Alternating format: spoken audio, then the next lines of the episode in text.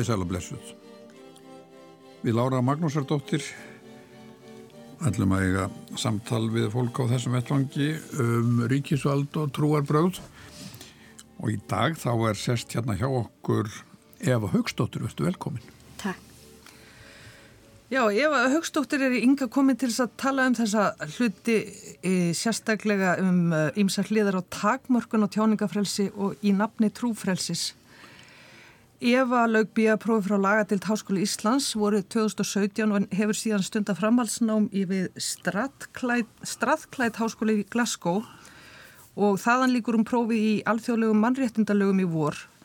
Lokaverkefnið hennar er aðtugan á dóma framkvæmt mannréttindadóstóls Evrópi í málun sem varða guðlast og takmarkanir tjáningafrelsis og það verður útgangspunktur samtalsins í dag. Nýlegur dómur Marréttita Dómstóls Evrópu sem Eva hefur kannad eh, snýst um það að í málinu var tekist á um takmörk tjáningafrelsis en sérstaklega tjáningafrelsis um trúmól og við ætlum að tala um rauk með og á móti og hvort önnur viðmið gildi um tjáningum trúar bröð en þegar umræði efnið er annað. Og ef þú kannski bara segir okkur tólti frá málinu til að byrja með svo við vitum um hvað máli snýst. Já, þessi dómur þetta er Hann heitir E.S. gegn Östuríki, hún heitir Elisabeth Sabatits-Wolf, já, er hún að bera þetta fram, konan sem að eh, þarna kærði Östuríki fyrir að skera trúfélagsi sitt mm. og í stöttum máli þá snýst þessi dómur um það hvort að þessi ásettanlega skerðing á tjáningafrelsi að gera það refsivert að vísa til Múhammed Spámans sem pedofils. Og niðurstaða dómsins vekur alltaf fyrðu, ekki síst vegna þess að nokkru mánuðum áður að þá fjall dómur í Púsi Ræjotmálinu sem margir þekkja mm. og sá dómur bendi nú til þess að dómstólinn væri að stefna í átt til meira tjáningafrelsi skakvar trúabröðum. En svo ég segur aðeins frá þessu dómi, forsagan er svo að kærandin hjælt fyrirlestraröð um Íslam og vegum stjórnmálaskóla FPÖ Það er þjóðurnisflokkur sem er allræmdur fyrir fjandsanlega afstöðu gegn inflytjendum. Þessi fyrirlesra voru auglísir á F-síðu flokksins og það skipti uh, dalti miklu máli fyrir niðurstöðu dómsins. Þetta var sérstu ofinberlega auglíst.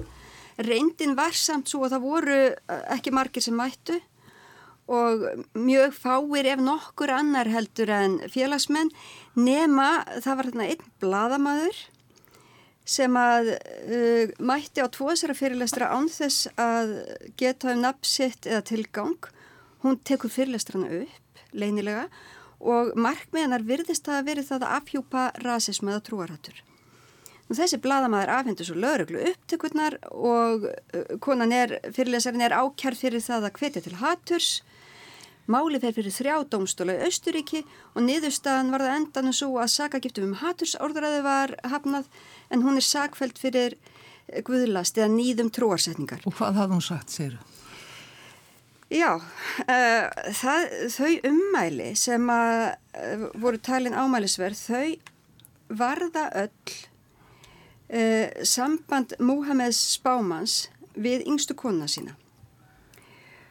Og það, þau eru þrenn, það eru þrenn ummælið þarna af þessum 12 klukkutíma upptökum sem voru talin ámælisverð.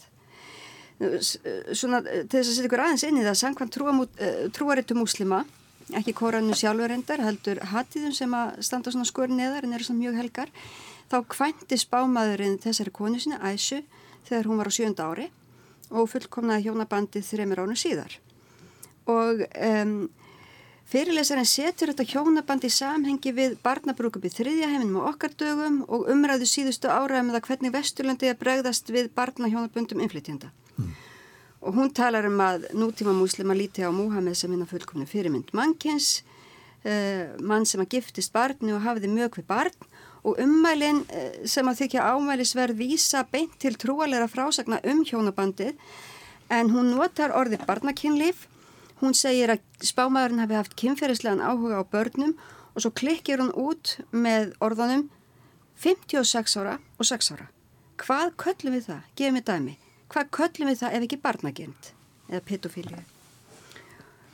Þetta eru, þetta er, sérst, eru ummælinn sem að, sem að hérna, allt, allt þetta snýst um sko. En var, sko, sko þessi ummæli, þú, þú segir, þetta var tekið upp leinilega og þannig ferð þetta, þar að segja til öðruglu og, og síðan domstóla, hafði það engin, hafði það engin áhrif á þetta mála? Þetta var að svo leinilega tekið upp?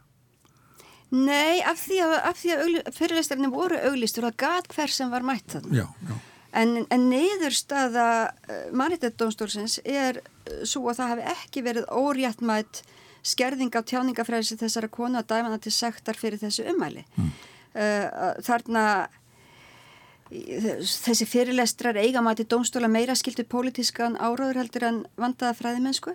Og hún er gaggrind fyrir uh, það hvernig hún setur þetta fram. Móhemmi var upp á sjöndu öld og hún er gaggrind fyrir að draga aðeins fram það sem að til þess fallið að kalla rýrið á Íslam og spámaninn og slíta svona úr samhengi við menningar, samfélag og tíðaranda sjöndu aldar.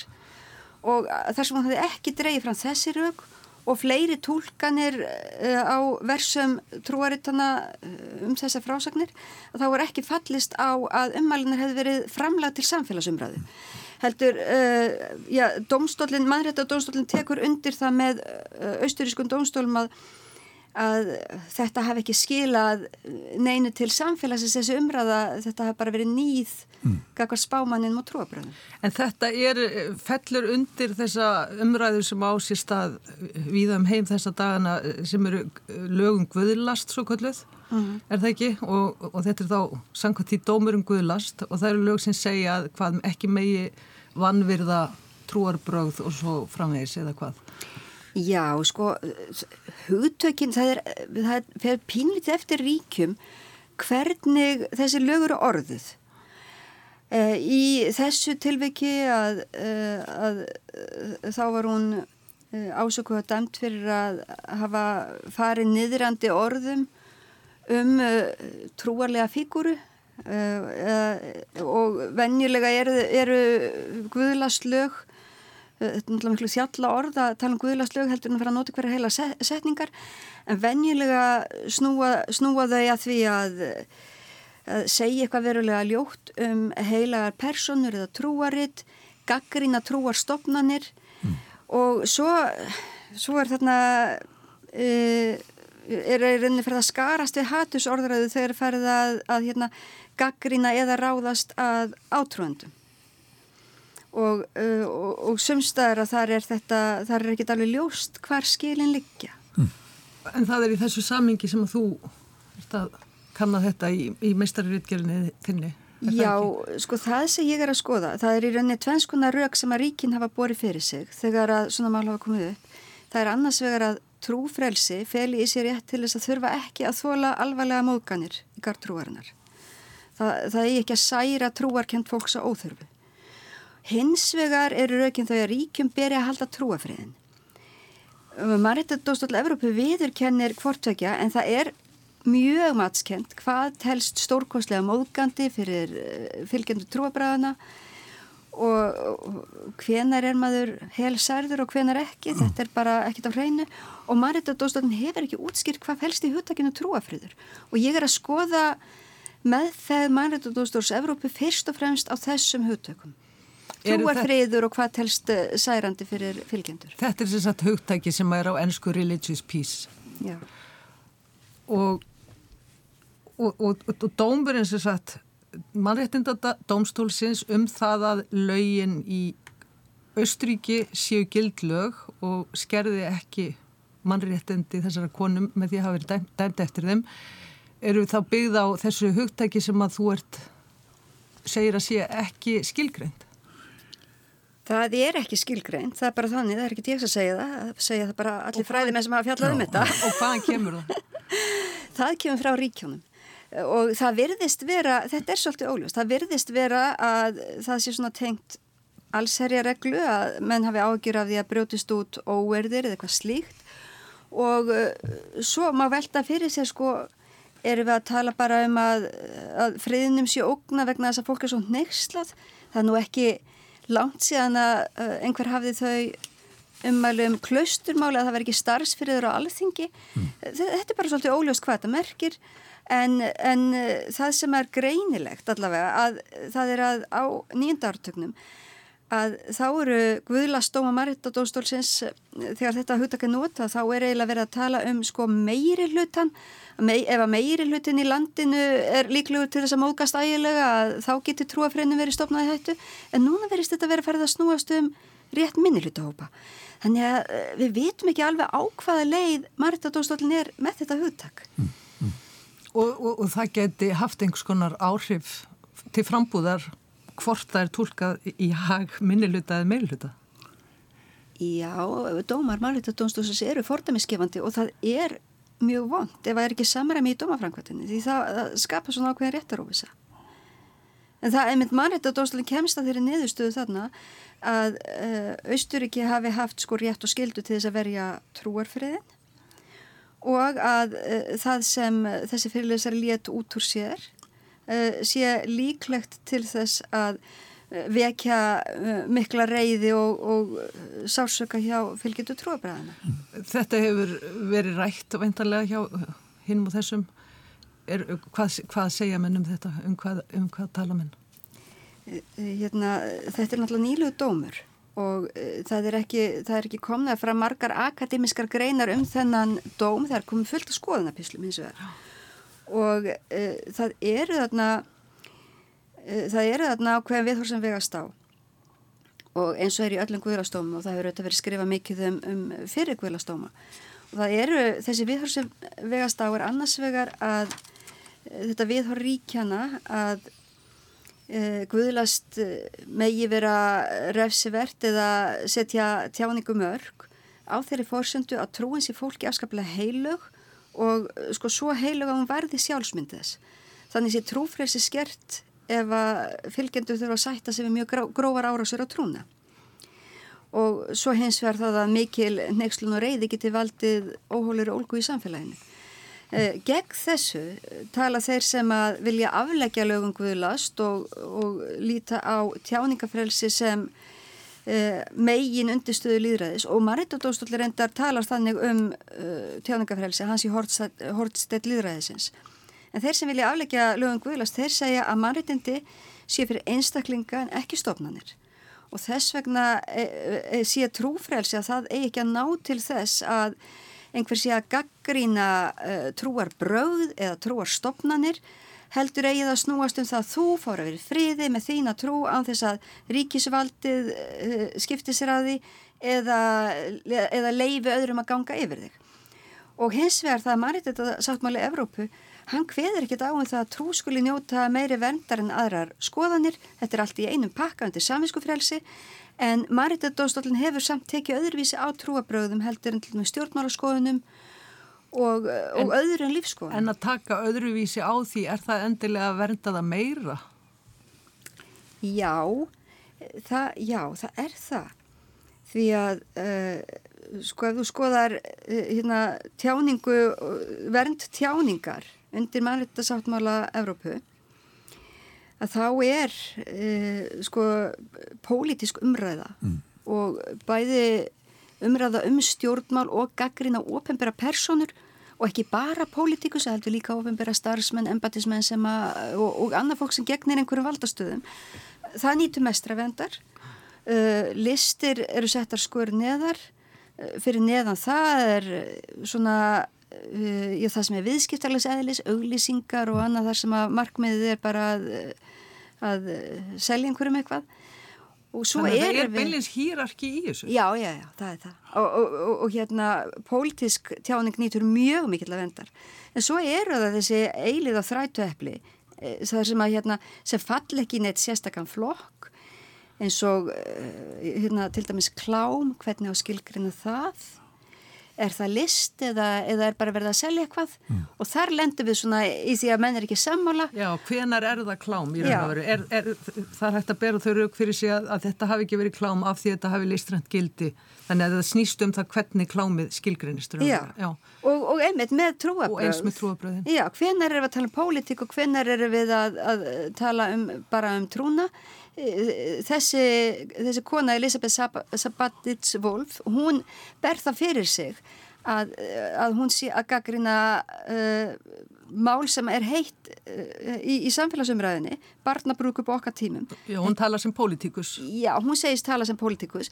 Þannig þannig erum við komið uh, líka með vanda og það eru áhugaverð mál sem eru eldri sem að kannski ekki hægt að fara djúft í hér, sko, þar sem að kvikmyndir hafa verið bannaðar að gerðar upptakar vegna þess að, að það er verið að ráðast á uh, trúabröð með því að setja þau í klámfengi samhengi. Uh, Marja mei, Jésu Kristur þetta fólk er gert að, að hérna hálfitum eða lauslættistrós eða, eða eitthvað slíkt þannig að þar eru við líka með, með hérna, já þetta tvendu mm. Þú varst að hérna mér skildist á þér hérna þetta væri óvendur dómur og varst á meðalans að bera saman þarna við Pussy Riot Getur þú skýrt það aðeins betur í, núna bara í samingi við allt þetta sem er búið að koma fram hjá þér núna hvaða, er, hvaða var sem kom á óvart við þennan dóm? Já, sko fyrst er það náttúrulega þessi Pussy Riot dómur sem kemur á óvart og svona fyrir þá sem að til þess að rifja hans upp um hvað það snýrist að þetta er, þetta er mál sem að á sérstæði Rúslandi það er þarna hvenna hljómsveit, punkljómsveit sem fer inn í kirkju og heldur þar punktónleika í leifisleysi og þær voru í búningum sem fóru nú eitthvað fyrir brjóstið á mörgum trúuðum. Eh, það sem að gera þarna þær setja fram pólitískan bóðskap. Eh, þetta eru tekstar þar sem er eh, höfða til kirkunar að, að hérna, standa gegn Pútín. Það er ákalla Marju mei og beðnum að gerast feministi og það er gaggarina fylgjendur kirkunar fyrir að yfirgef ekki kirkju sem að neytar að skipta sér á stjórnmálum. Það er hins vegar þarna engin kvartning til ofbeldis, það er engin dónaskapur gagvart trúar fígurunum, gagvart Marju megi eða Jésu Kristi en eitt slíkt sko. Það er tröfla ekki messi eða aðtafnir og dómstólinn kemst að þeirri niðurstöðu að uh, þessar, þessar hörðu refsingar sem þær eru dæmdar til Mannréttinda dómstólinn Já, mannréttinda dómstólinn sko að þær hafi falið í sér skerðing á tjáningafrelsiðra Þetta komir svolítið óvart uh, vegna þess að ég hef nú haldið að uh, það væri svolítið verið að tröfla trúarfriðin með því að fara inn í kirkju og halda þær punktónleika í lefisleysi en Ég var hins vegar, var hins vegar sko, mjög hrifin að gjörninginu sjálfum bara svo ég takkið það fram. En, en ég, hefði, ég hefði ímyndað mér með við dómafrænkvöndina að mannittóstólinn hefði sagt sko þarna fór ríkið algjör og offæri gagvart þessum konum eru allt og þunga refsingar. En hins vegar hérna já það er réttlatanlegt að refsa fólki fyrir að, uh, fyrir að halda svona tónleika í kirkju í lefisleysi. Ég hefði svona ímyndað með það. En dómstólinn kemst að þeirri neðustöða þarna hafi tjáningafræðis er að vera skert vegna þess að þó að þetta sé e, skerðing sem er e, lögmælt og, og, og í rauninni fyrir sjáanlegt og þá hafi þetta yngrepp ekki verið nöðsilegt í líðræðisriki og þarna helt maður að Maritadóstóli væri að stefna svona svolítið átti þess að bara afnema guðlarslög og þess vegna finnst mér þessi e, dómur e, gegn, ES gegn Östuríki komað alltið mikið óvart. Oh þetta, sest, hvað meigum við segja, það er bara pínlítið í, í hérna lausu lótti. En er, er, er hægt að ímynda sér að, að eh, mannreittinda domstólinn lítið þannig á að, að hættan á að spilla eh, trúar friði sé meiri þegar eh, muslimar í hlut, þar að segja að það sé einhver, það sé einhvern óöryggi og þá kannski kvarlar aðmanni þessi sagan, það er að segja Muhammed teikningarnar í Jóllandsbúrstinum og, og Charlie Hebdo í París og að þetta sé allt svo einhver, að þetta sé einhver sko, hvað að, tíðarandaböndin afstæða einhver leiti. Já, maður veldur þessu svolítið fyrir sér sko. Ég, eh, ég hérna, eh, hún var ekki dæmt fyrir ræða þessi kona. Nei. En ég velti því fyrir mér og ég er ekkert einum það, bara flestir sem hafa skrifað eh, um þetta mál, all, allavega allir sem ég hef lesið, svo getur vel verið að einhver hafi skrifað það sem er á annari skoðin en uh, þeir fræðimenn sem hafa tjáð svo um þetta um, þeir setja þetta í samhengi við hattusorðaröðu og það virðist vera uh, sem óttin um uppþót meðal öfgamanna hafi haft uh, dalti mikil áhrif að afstöðu austurískra domstóla og eh, já, maður getur veltið fyrir sig hvort að sé þarna hvort að eh, sé þarna verið að veita æsingamönnum einhvers konar neittunavald. Mm. Maður veldi því svona fyrir sér sko. Það, það kemur ekki fram í dónum að það hefur verið neitt tengt hatus orðræðið þarna en þessi hugræninga tegns hljóta koma. Þannig að í, í dómstólunum einhvern veginn að þeir, þeir liggja einhver starf þarna milli tveggja öfga hópa ef maður segja þessu svo annars vegar hérna lengst til að hægri hérna öfgana og, og síðan e, íslamistana sem eru kun, kunnað fremja hérna hriðverk þeir, þeir finnist þau vera þar einhverstaðar á milli og þurfa að vera að stoppa þetta tvent þeir sé ekki að fjalla um þetta vennjulega fólk. Einhvern veginn þannig hvernig sem á orða þetta. Mig grunar að sko þessi, þessi flokkur sem, eh, sem að hjælt eh, þessa fyrirlestra röð hann er allrandur fyrir innflytjandahatur og uh, sko hátt sett fólkina flokki sem hefur meiri sig að láta út þessu svona hluti eins og það þurfa að koma upp hérna uh, einhvers konar búðum fyrir Eh, fyrir inflytjendur sem eru ekki svona vennilega flótamannabúðir heldur eh, það sem myndur kalla á ennsku detention camps þar sem, að, þar sem þú ert sérst í rauninni í haldi vegna, ekki vegna þess að það hefur gert heldur vegna þess að þú ert Já. þannig þetta er mjög fjandsaleg afstæða sem, að, sem þessi flokkur hefur og e, það, e, það eru þetta takast á þessar öfgar í vestrannu samfélagi núna þeir sem, að, þeir sem vilja helst bara þakka niður alla alla neikvæða umræðu um, um trúabröð og kannski sérstaklega um íslam, ég veit það ekki. Og hins vegar þeir sem eru bara mjög hatara með kakvart inflytindum e, hvort að það er heppilega afstæði hjá domstólum að fara að dæma fólk fyrir guðlast til þess að tækla hattusorðaði mm. það er svo aftur annar mál, mér finnst það vafasamt. Sem gæti hafa gerst þarna að þínum mati eða að einhverja mati Mér finnst það auðlust, mm. en, eh, en hérna, ég er ekki autoritet í þessum efnum. Það sem gerir náttúrulega þessa umræðu svo erfiðar er, er að það flesta langar ekki til þess að fara að taka undir með þessum sjónarmiðum. Þetta, þetta er ekki almennustu sjónarmiðin, þetta mm. er svona frekar á jarinum. En, mm. en bara, bara, bara skjó, skjó, þetta, þetta, þetta merkilega hugtak sem hefur ekki mikið, alls ekki borið á því hér á Íslanda, minnst þetta með trúar friðin. Sko er það ekki hugtak sem er þá það óljóst að það er alltaf varasamt í, í dómanuðustu. Mér finnst mjög enkennilegt að það hafi ekki verið skilgrend vegna þess að þetta er hugtak sem að uh, ríkin koma að bera alltaf fyrir sig og, og, og er viðurkend en það verist vera bara alveg á huldu hvað nákvæmlega það merkir og ég, eins og ég segi sko hvað með, hvað með Pussy Riot? Voru já, þeir ekki tröfla tróð en er þetta ekki kannski þá til þess að, að búa til einhverja, einhverja uh, aðferð til þess að tengja á milli guðulasts annarsveiðar og hins vegar hattusumræðu þar sem vera uh, til þess að er rauninni vísið að gera þetta óljóst Nei, það var ekki vísutandi verið að gera. Já, ég trúi ekki upp að það sé vísutandi að Segjum ekki, en þú sagði, skildi þið rétt á þann að, að, að það hefði verið hluti af niðurstöðun að það væri sagt, bæði, að það væri meðal annars skilda ríkisins að vernda trúafriðin Já, ríkjónum er látið eftir svirum til að meta það, sko, hvað þarf að ganga langt til þess Já. og svo veit náttúrulega ekki hvað það merkir að, að venda trúafrið. Já, nei, nú er ég að hugsa um til dæmis bara þessi umræða sem hefur náttúrulega meðal annars átt sér stað hér á landi með þessi svo kallu guðlastslög að sem er, voru afnumin á Íslandi bara í fyrra, uh -huh. uh, þannig að þau eru ekki lengur uh, sagt, hluti af íslensku, íslensku laga umhverfi Eh, ég voru að hugsa ef að, ef að, ef að, að því mér heyrist þú segja á þann að þetta hefði uh, að domstólinn hefði sagt að vera einhvers konar skilda Já, við, er þá skilin eftir á í, til dæmis núna íslenskum lögu þegar búið að taka þetta út er það búið að taka út eitthvað sem að íslenska ríkinu búið skilda til að halda utanum? Nei Það, nei, það er ekki, ekki þannig og við stefnum, Evrópa stefnir svona svolítið í átt til þess að uh, milda eða afnema guðláslög. Uh, það sem þetta merkir það er Austuríki sem ber það fyrir sig að því beri uh, hérna, réttur og skilda til að halda trúafriðin og mannreittadóðsvöldin tekur undir það en, en ríkjunum er metið, látið eftir að meta hvort að þarf að setja guðláslög til þess eða ekki. Mm. Þa, það er það sem þetta merkir.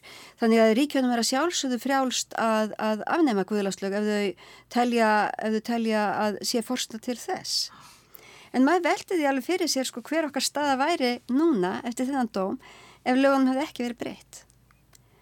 Þetta er, uh, mér til meins áhugavert út frá því að á Íslandi hafa lífskoðanafélög eða sama status og trúfélög. Mm. Uh, þýðir þetta það að ef við hefðum ennþá guðlegsleg þýðir þetta það að, að til dæmis að siðmynd geti tekið upp Kristófur Hitsjens sem einhverja trúarlega fíguru og, og það væri þóruð guðlast að ráðast á hann ég veit það ekki sko þetta er, þetta er, þetta er, þetta er stórfyrðil hvað mega ríkin ganga langt í því að, að takmarka tjáningafrelsi gagvart, gagvart hérna, trúfrelsinu og ef við erum með þetta allt í pakka, hvað merkir það? Mm, mm. þetta er náttúrulega að kalla fram eins en þetta sko að þetta sem að við heldum sennilega eða var bara almennt talið að, að, að það væri búið að leysa trúarbröðamáli á Vesturlandum að mistakosti og við myndum ekki, þetta er þið ekki umræðefni í framtíðinni. En þannig er alveg augljóst að það er mjög stutt á milli trúarbröða og pólitíkur getur verið mistakosti og, og, og ekki alltaf augljóst hvar hvar strikið er dreigið eiginlega Það er ekki augljóst og mér finnst líka skipta svolítið máli í samhengi við Dóma Marita Dómstórs Evrópu að guðlast er upphæflega eins og syndgakvart guði er það ekki? Jú. Já, fremur heldur en á að snúist eitthvað rétt, að guðla snúist rétt fylgjenda. Upphæflega er þetta bara synd mannsins skakvart sínum guði. Innan, innan sko, þeirra, þeirra, þeirra trúabráða sem hann aðheilist í rauninni. Já. Ekki... Þess vegna segi ég sko í þessu sögulega, þess vegna segi ég hérna alltaf svo köllu guðlaslu að því í, í, í sko, minni sakfræði, eða þessu sem ég hef verið að skoða í sakfræðilegu samengi, að þá sko í, í gamla fyrirkomulæginu þar sem að öllum er að, skild að vera aðili að kirkjunni mm. sem er í ríkinu á þeim tíma að þá er, er guðlast er að tala illa um, um, sin, um guðinn þann eina sem kemur til greina sko mm. Mm. og þegar að það koma þessi lög sem við erum núna að fjalla um og komið hérna uh, með almennu hegningalögunum 1869 það sem stendur sko í fyrsta skipti hver sem gjörir gís eða smánar trúarlærdama eða guðstyrkun nokkur af trúabræðafélags nokkur trúabræðafélags sem er á Íslandi skal sæta fangilsi ekki vægar en eins mánaðar einföldu fangilsi að sektum en þetta er til þess að búa til trúfrelsi þetta er sérst þannig er verið að fella niður löginum það að við megum ekki guðlasta og setja þetta í staðin sko. Þannig að upphaflega er þessi lög komin eins og verið að tala um sko, komin til, einmitt til þess að, að við þólum það að það sé fólki af öðrum trúarbröðum meðal okkar sko. Og við megum ekki trubla aðtapnir þeirra eða gera lítið úr þeim eða mm. þau megum ekki missa réttinda sína vegna sína trúarbröða og svo framvegi sko. En þegar þú segir að, að það, þetta hafi snúist um það að uh, menn mætti ekki lasta sín eigin guð eða sín, sín eigin tróbröð e, var þetta nú ekki viðast hvar þannig að það var bara svona einn ríkist trú hefði, hefði hérna múslimi komast upp með það að, að, hérna, að segja eitthvað ljótt um Jésús hann mátti ekki eins og vera á landin þannig að það var ekki eins og til sko umræðu. Nei, nei að því það var það, var það stránt sko. Og ég menna það mátti ekki eins og vera katholikar sko hvað þá meira, það getur rétt í mm. myndaðir En, en, en, en auðvitað getur sem sagt gildið sem að fælst í þessu breystaldi þegar tímandir breytast og það koma um þetta upp þessar aðstæðir sem enginn sá fyrir að, að trúabröðun er orðin miklu, miklu fjölbreytari heldur en menn sáu fyrir sér á þessum tíma sko. Og, og þá koma upp nýjar spurningar og, og, og það kemur að sjálfu sér að það farið að fjalla um annars konar hluti undir þessar lögjöf heldur en hafi verið upphaflega gert. En þannig að þau kannski koma ekki til af yllu þessi lög þótt að þau hafi verið núna talin ekki sagt, ná sínu fram og hafa verið löð niður. Mm -hmm. En mér finnst aðdeglisvert dæmið sem þú tókst eða áðan um Pussy Riot eh, að eins og þú sagðir um þetta þetta voru þær heldu tónleika í, í, á stað sem venjulega er skilgreindur sem yfiráða svæði við komand e, e, sko trúfélags mm. og, og að þýleiti til þá finnst man eins og það hefði ekki verið þó aðletta að, að, að dæma þar fyrir sko brota á einhverjum á helgi friði kannski jafnvel, sko það er nefnilega spurningin sko hvort að, hvort að þegar, þegar er trúfrelsi og, og það eru mörg trúarbröð og, og lífskoðanir hlið við hlið í einu samfélagi þá er einmitt spurning hvort að, hvort að, það, að áherslan á einhvers konar svona alger og ó, að segja, alger yfirráð yfir sínu, yfir sínu helgihaldi fari að skipta meira máli, kannski náður. Já, ég, eins og ég segi, sko, mér finnst þetta einkennilegt að, að nú náttúrulega er, e, sko, mannréttasáttmálinn verndar ekki stopnanir. Þú, þú, þú átt að meiga gaggrína kirkuna, mm. en vettvangurinn lítur að skipta máli og uh, það, ég veit ekki til þess að nokkur til ríki myndi umbera það að fólk færi hérna í útvarshúsið með punktónleika þannig að uh, það væri... kemst nú engin inn í útvarshúsið en við skulum bara segja til dæmis sundlaug Já, hvar sem er sko, Já. hérna er, er, er það bara almennt hægt að flokka það sem nöðsilegt í líðræðisríki að að það sé ekki nöðsildi líðræðisriki að banna fólki að fara með einhvern háaða inn í fyrirtæki á stofnanir, samakvort að trúalegt eða ekki. Mm, mm. Ég, ég næ þessu í rauninni ekki alveg í þessum púsi ræðadómi. Mm. Og svo veldi maður fyrir þessu sko, þessi ummæli að, hérna, að já, hún vísar til Mohamed Spámasef barnanýðings en hún segir svo, hún berða fyrir sig og hún hefði þetta vera retorisk spurning og hún hefði í rauninni verið að leita eftir hugtaki sem að meginota og þá er hún að vísa til annars máls í Östuríki, þá flokksisturinnar, svo sem Winter, að hún var dæmt fyrir svipið umæli. Sakveld fyrir svipið umæli, það fór ekki fyrir mannrættdóstólinn. Og uh, Elisabeth Sabatits-Wolf segir, ég er að leita að hugtaki sem má nota fyrstu megum ekki kalla hann pedofíl mm. og núna, uh, hérna, mér finnst mjög sérstað sko hvernig um, hvernig hérna austurískir dómstólar afgriða þetta og Maritas dómstólinn tekur í rauninni undir það. Þeir vísa til skilgreiningar alþjóða helbriðstofnurinnar á pedofílíu eða barnagjönd og vegna þess að hún talar um að hann hefði haft kynferðislan áhuga börnum í flertölu mm. og vegna þess að hún tekur ekki fram að hann hefði nú haldið áhrá að búa með sinni konu eftir að hún var fullorðin og hann hafði ekki sínt neinn merki þess að hafa áhuga á uh, öðrum börnum að, uh, að þá er hún að nota þetta hugtak pedofília á rangan hátt og hún hefði mótt vita því hún gefur svo törra fræðimæður. Vegna þess að pedofília eða barnagirnd skilgrinist af því að einhver hafi einverðungu eða stöðuvan áhuga á börnum kynferðislegan áhuga á börnum Já, fyrst og fremst ekki bara hann lendi í þeim aðstæðum að þurfa að giftast barni Nei. Já, sem verður síðan fullarinn. Og þannig að þetta kemur þessi, þessi vandi bara í menningar, menningar sögulegi vandi þegar verður að, að taka einhver söguleg dæmi, sko þúsund ára dæmi og, og, og í rauninni ræða þau á forsendum þeirra viðþorfa sem eru ríkjandi í dag.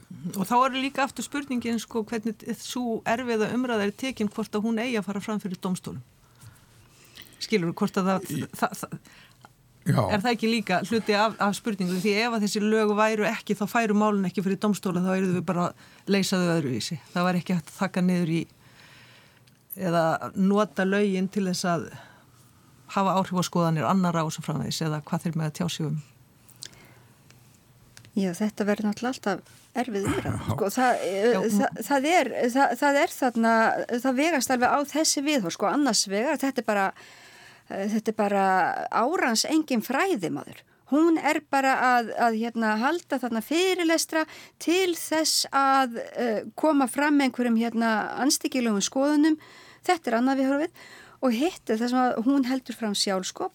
Barnabrúðköp eru bara eh, eitthvað sem við erum að ræða núna, er vandamál.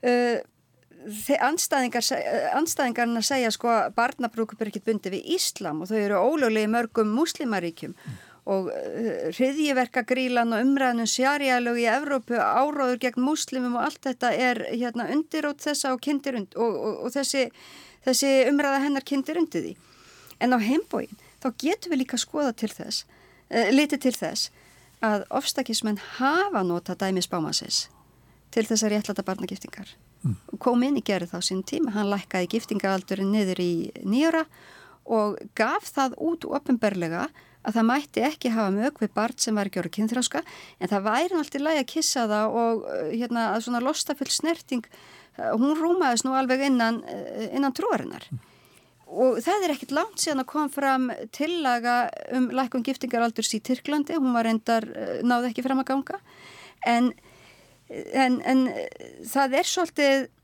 erfitt að, að sko halda því fram og standa alveg fastur af því að þessi umræða hafi ekki haft neitt pólitiska vingil. Mm. Já, að sjónar með eins og þessi sagt, komi fram inni, innan hérna valdsviðs mannreitndadónstólsins. Ég vandamálið er náttúrulega bara það að, að fólk sem er fullt af trúarhatri e, það getur líka haft pólitiska skoðin sem eiga rétt á sér og hvernig ætlum við að fara með það þegar fólk notar pólitiskar skoðinni til þess að lemja umflytindum? þetta er bara erfitt mm. Já, og þessi dæmi sem þú nefnir koma inn í og í rauninni segja það að það er, það er ekkit skrítið minnst kosti að menn noti dæmi úr löngu liðinni tíð og að löngu gengnum einstaklingi e, til bæði til réttlætingar og gaggrinni fyrst að, fyrst að það er gert af í rauninni talsmönnum og vald, valdsmönnum e, hvað við segja klerkaríkis svo í Íran. Nei, mér finnst ekki skrít að þessi gert, mér þykir eins að mjög slæmt sko hvað, hvað sumir öfgamenn í hægri áttin að ganga langt í því að hamra á öllum hérna öllum hræðilegustu enkenum uh, Íslam eða Íslamskra ríkja öllu heldur.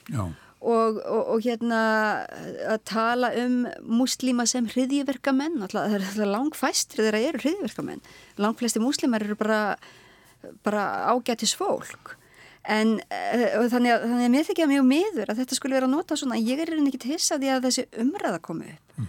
og mér finnst svolítil rægumenska að, að geta ekki sko rætt þessa hluti án þess að, að fara út í hvað stríð gegn inflytjandum eða gera lítið úr, úr, úr sko, allir þeirra menningu og öllum þeirra trúabröðum því það er ekki, það er ekki allar tólkanir á Íslam sem að samþykja barnagiftingar, bara alls ekki. Svo snýst þetta nefnilega um sko, þetta eru getur kallað þetta aukaskoðanir sem, sem að takast þarna á, þær fara fyrir domstóla, þær hafa áhrif á, á dóma framkvæmt að hafa mögulega áhuga á, áhrif á lögjöf líka þannig að það eru þá öfgarnar sem að móta doldið hver verður niðurstaðan en á þessi samræða um, um svona mál án sér ekki líka einhvern annan stað sem er bara kannski yfirvegaðri uh, málefnalegri? Eða, eða snýst öll umræða um svona mál alltaf um, um öfgarnar? Eða það sem er lengst í allar áttir Lít, ég, fólk fer alltaf í skotgrafir, ég held að við komumst ekki undan Líka í þessari öfgum. fræðilu umræði sem þú hlýtur núna að vera að tilhenga þeir að kynna þeir minna í hérna e, í skólanum eða í þessu námi. Fræði með reynan alltaf gæta hófs en þeir eru ekkert á Facebook skilur þeir, e, það, er ekki, það, er ekki, það er ekki hérna skoðanir sem að taka tillit til e, allra vingla sem að koma fram í samfélagsumræði Nei Þannig að við, við erum með þessa samfélagsumröðu og það er alveg sama hvort að hún er á samfélagsmiðlum eða einhvers þar annars þar, hún er alltaf til. Og ég held að, ég held að við komumst ekki tjá því að það sé öfgar í umræðinni og ég er ekkit vissum að, að sko, ég, ég held hvort ekki að það sé ekki hægt að komast tjá því. Og ég er heldur ekkit vissum að það sé endilega endilega æskilegt að það séu að það séu engir öfgamenn. Nei, nei, kannski ekki eins og hægt Nei, alltaf mjög vond ef fólk fyrir út í það að drepa þeirra en, en, en hérna að það sé einhver svona átöku umræðin, ég held að það sé bara allt í læg Já, já, já, já hún, ég, það, ég held að það sé óhjákamilegt, óhjákamilegt, ég held að þetta sé að sumuleiti er það sko til margsum hilbriði líðræðisins held ég að, að, að það sé tekist á ymmit um svona hluti vegna þess að þeir, þeir liggja alltaf hann einhver starf alveg á mörkunum um það hvað, hvað má og hvað ekki má sko En, en, en það er fræðileg umræða líka í gangi einhver starf, þannig að eiginlega það sem já, er að já, talum er að reyna að ná fram. Já, sko. og þar eru áherslutnar annars vegar eh, hérna, uh, rétturinn til að fá verið í friði með sína trú og margir sem að vilja eh, fella undir það hérna, rétt til þess að þurfa ekki að þóla uh, grófar árásir á trúna að, að þú þurfir ekki að eiga þá að hættu að það sé ráðist á eitthvað sem þér er algjörlega heilagt. Svo má alveg deilum það hvort er einhverjar hvort er eitthvað til í því að, að trúartilfinninga séu heilagara heldur en aðrar. En hitt viðhorfið er þetta sko tjáningafrelsi sé uh, hortstöð líðræðisins. Þetta eru svona stóru vinklarnir í þessu. Mm. Og svo náttúrulega er deilamennum hérna hvort að uh, réttur minni hlutahópa uh, sé nægilega vel tryggður.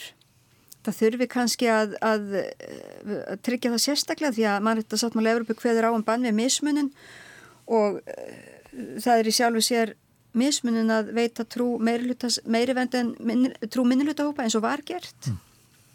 Eru sjálfgjafar í mál sem að snúast um kristni eða önnur trúabröð? Nei, nei, þau eru, nei, nei, þau eru, nei, nei, það hafa komið mörg slík mál sko, en ég, man, ég þekki ekkert mál og ég hef búin að fara í gegnum alla þess að dóma, það er ekkert mál þar sem að, e, þar sem að svona e, staðhæfing sem að á í rauninni uh, ákveðnar forsendur í trúarítónu sjálfum er uh, skoðuð sem, uh, sem nýð. Maður veldi fyrir sér sko hvort að til dæmis hvort að, hvort að væri hægt að, að dæma mann í einhverju Evropuríki til greiðslu sektar fyrir það að tala um Guð gamla test, testamenti sem fjöldamorðingja. Mm með vísun til nóaflósins til dæmis mér, ég, mér finnst það ótrúlega mér sko. dettur nú í hug hérna laun sindarinnar er dauði sem að Snorri Betel uh, misti vinnuna fyrir að setja frá sér ofnbærlega, var það ekki? Jú, bein tilvettinni trórit uh, ákvaða leiði erum við ef að, ef að hérna uh, er vafa samt að spyrja þessara spurningar hvað köllu við það ef ekki barna, barnagjönd ef það er uh, eitthvað sem er hægt að Eh, dæma fólk til sekta fyrir um, væri þá ekki alveg eins hægt að gera það í ríki með sambarileg guðláslög eh, að dæma snorra sem að vitna byndi í, í, í biblíuna. Nú hefur bara ekki fylst ná vel með, hann ætlaði með máli fyrir marreitadómstólinu eða hvað. Ég vona að gera það. En, en er, það, er þetta kannski þessi dómur, er hann hugsanlega uh, vottur þess að menn er einhvern veginn að taka á eða mennur hrættir við að reyna að taka á þessari svona tvöföldu umræðu sem er í gangi núna, hefur alltaf verið þar að segja, en fær þetta uh, þetta, við getum eins og þú nefndir áðan ef að þar að segja, það er umræða á samfélagsmiðlum oft mjög óvægin og svo er hins vegar eru fræði menn að reyna að halda halda sönsum og, og, og, og ákveðin yfirvegun að það sé, að það sé ótti við þessa óvægnu umræðu og samfélagsmiðlum sem kalli á þetta fyrirbæri trúar frið. Já, ég, mér finnst Marita Dómstólinn hafa hafa sínt svona dálitlega ragmennsku uh, gagvart þessu hlutum og sko, svo kom aðeins aftur að snorra í betel, hann náttúrulega mun ekki fara með þetta, ég vildi að hann færi með þetta fyrir mannrættadóðstólinn sko, en það er engar líkur á það er þið samþitt vegna þess að ríki náttúrulega, Íslenska ríki dæmdi honum í vil, svo var lækkað var lækkaðar hérna bæturnarnas í hæstarétti. Og ég, ég vildi gertna sjá slíkt mál fara fyrir mannrættadóðstólinn, en í samband við til dæmis Jótlandspóstinn skopmyndatekningarnar sem að var nú allt brjálað út af þarna hvað 2012 Nei, nei, það var miklu fyrir, það var miklu fyrir, 2007 Myndir af Múhammed sem að það var málið að það væri teiknumynd af Múhammed 2005 var það vel 2005, já það, Þar, hérna þar var það allt brjálað í Pakistan mm. og uh, fullt af fólki sem lést. Og það voru gerðar árásir á, uh, á hérna útgifundu blaðsins og uh, það, það mál fór ekki fyrir mannrættadónstólinn Það, það voru einhverjir sem að kærðu jótlandspóstinn til danskra dónstóla og þeir bara vísuðu málunum frá þeir svo þetta er ekki hattisóraða og, og hérna neituð að taka þetta fyrir.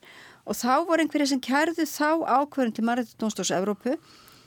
Dónstólinn vísaði frá á þeirri fórsöndu og þeir ætti ekki aðilda málunum þetta voru, þetta voru ekki danski ríkisborgarar mér finnst þetta afskafla með það hefur verið svo gott að fá þetta fordami bara hvernig lítur dómstólinn á þetta? En er ekki fordamið ymitt það að, að mannréttindadómstólinn dæmir um það hvort að lögin og dómatnir inn í þeim löndum sem eiga aðild ánum síður réttir, þeir get ekki hún getur ekki farið út fyrir það. Þannig hann hefur tekið ákveðna afstöðu með þessu sko Nei, hann bara vísaði málunum frá vegna þess að þeir sem að kerðu voru ekki danski ríkisborgar þess að bara þeir eigið ekki aðelda þessu máli og við ætlum ekki að skoða það.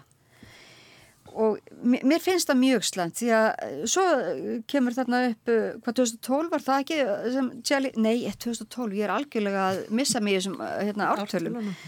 Tjali hefðamálið er, er hérna hvað var það, 2016? 16. 2015 held ég, 16, já. Já, það er 2015 sem að uh, Jelly hefðumálið er og er, þetta er ekki einu málinn þar sem að hefur uh, hérna, allt orðið vittlust meðal einhverja sko örfára öfgamann þess að ná að valda alveg ofbóðslega miklum skada á usla Við erum að tala um hérna söngu að Satans 1988. Og við erum að tala miklu meir en samfélags, eh, hérna, umræða á samfélagsmiðlum þarna sko. Já, þarna er, þarna er sko engin samfélagsmiðla komnir einmitt uh, þegar söngu að Satans eh, koma út en Salmar Östi þurft að vera í öryggis, undir öryggis eftirliti yfirvalda í hvernig tíu ára vegna þess að hann var ofsóttur mm. og ekkit bara hann. Og svo erum við að tala um núna nýjasta, nýjasta máli sem hefur svona náð aðtegli að heimsvísu það er eh, mál Asi Bibi í Pakistan sem eh, var á, á dauðadelt í átta ár og svo loksins er hún síkunnið, hún var ákjær fyrir Guðlast. Það er Kristinn Kona sem var ákjær fyrir það að hafa uh, sagt eitthvað ægilega ljótt um Mohamed Spáman svo endan er hún síknuð og þá er, það, það er Pakistan. Já. En nú er þetta bara orðið svo langt í burtu. Það er svolítið erfitt líka að vera að tengja það við manni til þetta Dómstólu Európu eða Nei, sagt, nei ekki. Mér finnst ekki erfitt að tengja vegna þess að sko Breitland sinjar þessari konu um hæli á þeirri fórsendu að þeir hafa áhyggjur af því að verði uppþótt og óerðir og hvaða fordæmi er mannlindóstóli þá að setja með því að hérna segja að ríkjum beri skilda til þess að vernda trúafriðin Og þannig hanga þessi hluti saman. Þannig hanga hann bara svolítið saman sko Þetta er svona nýjustu dæmið um, um hérna eh, um guðlastmál þar sem að verða alveg ofbóðsleg uppþótt máli sjálft er ekki eh, fyrir alþjóðlegum dómstólum. En eh, og, og, og það fór heldur aldrei fyrir alþjóðlega dómstóla þetta mál hérna, sjálf í hefdómálið eða innocens af muslim sem að koma út 2012 það var kvikmynd sem að fór mjög mikið fyrir prjóstega muslimum en allt þetta öll þessi umræða um hatusorraðu og, eh, og, og þessi ofsafengnu viðbröð gegn meintri hattursorðuræðu að uh, þetta er allt sem ég held að hafi haft áhrif á þennan dóm og uh, eh, Maritadóstul Evrópu setur fordæmi og þetta hugtak trúafriður það er bara algjörlega lausulofti En það er, en, en þannig að og, og spáur því að þetta að við komum til með það núna á næstunni að, að sjá þetta hugtak notað í, í áfram og þróast áfram vegna þess að það er ekki hægt að nota, eh, nota með vilja ekki, það verið að afnæma guðlarslög og hér og þar og, og uh, það er bara ákveðin vandraðagangur. Ég ætl ekki að spá neina um það hvernig þetta þróist, ég er bara býð spennt. ég, er, það er að hverja rétt að rófisa þarna og ég, ég þú eru bara ekki spá neina það hvernig þetta fer. Miða við það hvað dómafrangat mannriktadónstórsins í Guðlastmálum er sundurlega tinga til mm. það bara vitum við ekkert við getum búist næst Trúarfriður það er, það er eiginlega það er aðteglisvert orð og, og, og um, ég eiginlega held að við bara látum hér staðanumir í dag og Eva Högstóttir bestu þakkir fyrir að að veit okkur insýn inn í þessar vangaveltur sem uh, hafa skapast uh, og, og niðurstaðan er eiginlega þessi. Trúarfriður er ólegast hugtak en sannilega eftir því sem allir Európu heldur fram nótæft Barnagendi líkur ólegast hugtak. Já, Takk fyrir komuna Já, takk sem er leiðis